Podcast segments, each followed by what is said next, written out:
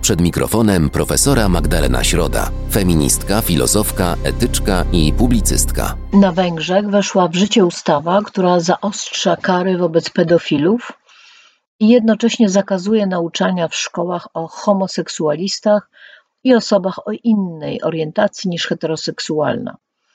Można zapytać, jak się ma piernik do wiatraka. Pedofile to najczęściej heteroseksualiści, podobnie jak gwałciciele i domowi przemocowcy. Sprawcami pedofilii są najczęściej księża lub przyjaciele rodzin, a orientacja seksualna jest kwestią tożsamości, a nie seksualności. Zakazywania nauczania w szkołach o istnieniu in, innej orientacji niż heteroseksualna jest czymś takim jak zakazywanie nauczania w szkole o tym, że istnieją inne nacje niż Węgrzy czy Polacy.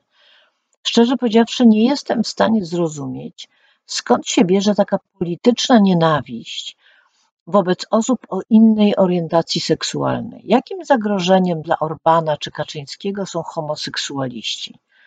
Czyżby pragnęli ich władzy? Czyżby pragnęli posiąść obu panów i zbezcześcić ich męskość?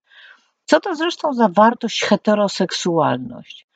Prezes Kaczyński w ogóle nie jest seksualny, w żadnym wymiarze, więc dlaczego zagraża mu akurat homo, a nie hetero siła? Heteroseksualiści są wszak bardziej pewni siebie, bo należą do panującej większości, stanowią więc zasadniczo większe zagrożenie niż homoseksualiści, którzy są mniejszością. Heteroseksualistą, heteroseksualistą jest niewątpliwie Donald Tusk, którego Kaczyński obawia się i obawiać się powinien, a nie homoseksualista, którym jest na przykład Robert Biedroń, bo ten ma tak przystojnego i mądrego pan partnera, że nie miałby żadnych pokus, by nastawać na męską tożsamość prezesa Kaczyńskiego czy prezydenta Orbana. Poza tym, jeśli chodzi o lęk przed homoseksualistami, czy ktoś słyszał o bandach homoseksualistów, którzy po pijaku napadają na ludzi w mieście, albo czy ktoś boi się pary homoseksualistów, gdy widzi ich w ciemnej ulicy, tak jak niewątpliwie boi się pary grasujących po mieście jak najbardziej heteroseksualnych kiboli czy członków jakichś chuligańskich gangów. Rozumiem, że kraj w sytuacji wyludnienia, na przykład po wojnach krzyżowych, domaga się od ludu rozrodczości, więc potępia wszelkie nieprokreatywne relacje. Albo też kraj, który szykuje się do wojny i potrzebuje prawdziwych mężczyzn, by ginęli za niepodległość, która najczęściej jest przykrywką dla narcystycznych ambicji jak najbardziej heteroseksualnych wodów. Ale dziś nie mamy ani wojen krzyżowych, ani potrzeb walki o niepodległość.